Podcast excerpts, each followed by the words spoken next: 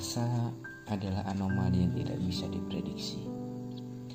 Rasa bisa datang dan pergi kapan pun dia mau. Rasa bukanlah sesuatu yang porsinya harus sama. Kadang rasa yang kau beli tidak sebanding lurus dengan apa yang kau terima.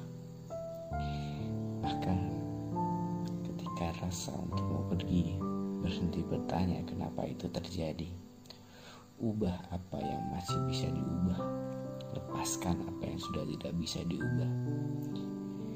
Bumi tidak akan pernah berhenti berputar ketika kau memilih untuk berhenti melangkah. Hatimu akan sembuh jika kau sendiri yang mau mengobati. Dan untuk mengobati memang diperlukan waktu. Bukan untuk melupakan, melainkan untuk mengingat dengan sudut pandang yang tidak menyakitkan. Bangsa yang besar adalah bangsa yang menghargai sejarahnya, ucap Bung Karno. Jika karena patah hati kau berharap lupa, lalu bagaimana kau mau belajar? Kehidupan memberi kita pelajaran di setiap langkah yang kita ambil.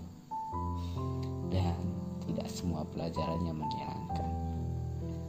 Meski pelajarannya menyakitkan, toh kita belajar. Kita belajar untuk tidak jatuh di lubang yang sama, untuk tidak mengulangi kesalahan yang sama. Kita belajar tentang bagaimana caranya merelakan.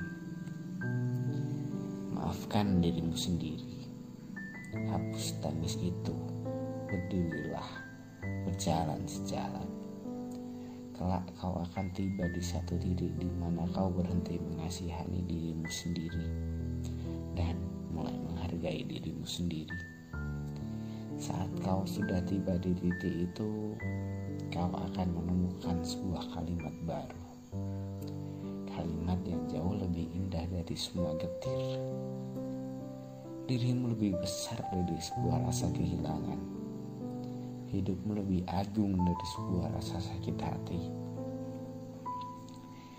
Jika tidak bisa menghapus seseorang dari ingatanmu, mungkin memang ia digariskan untuk ada di sana.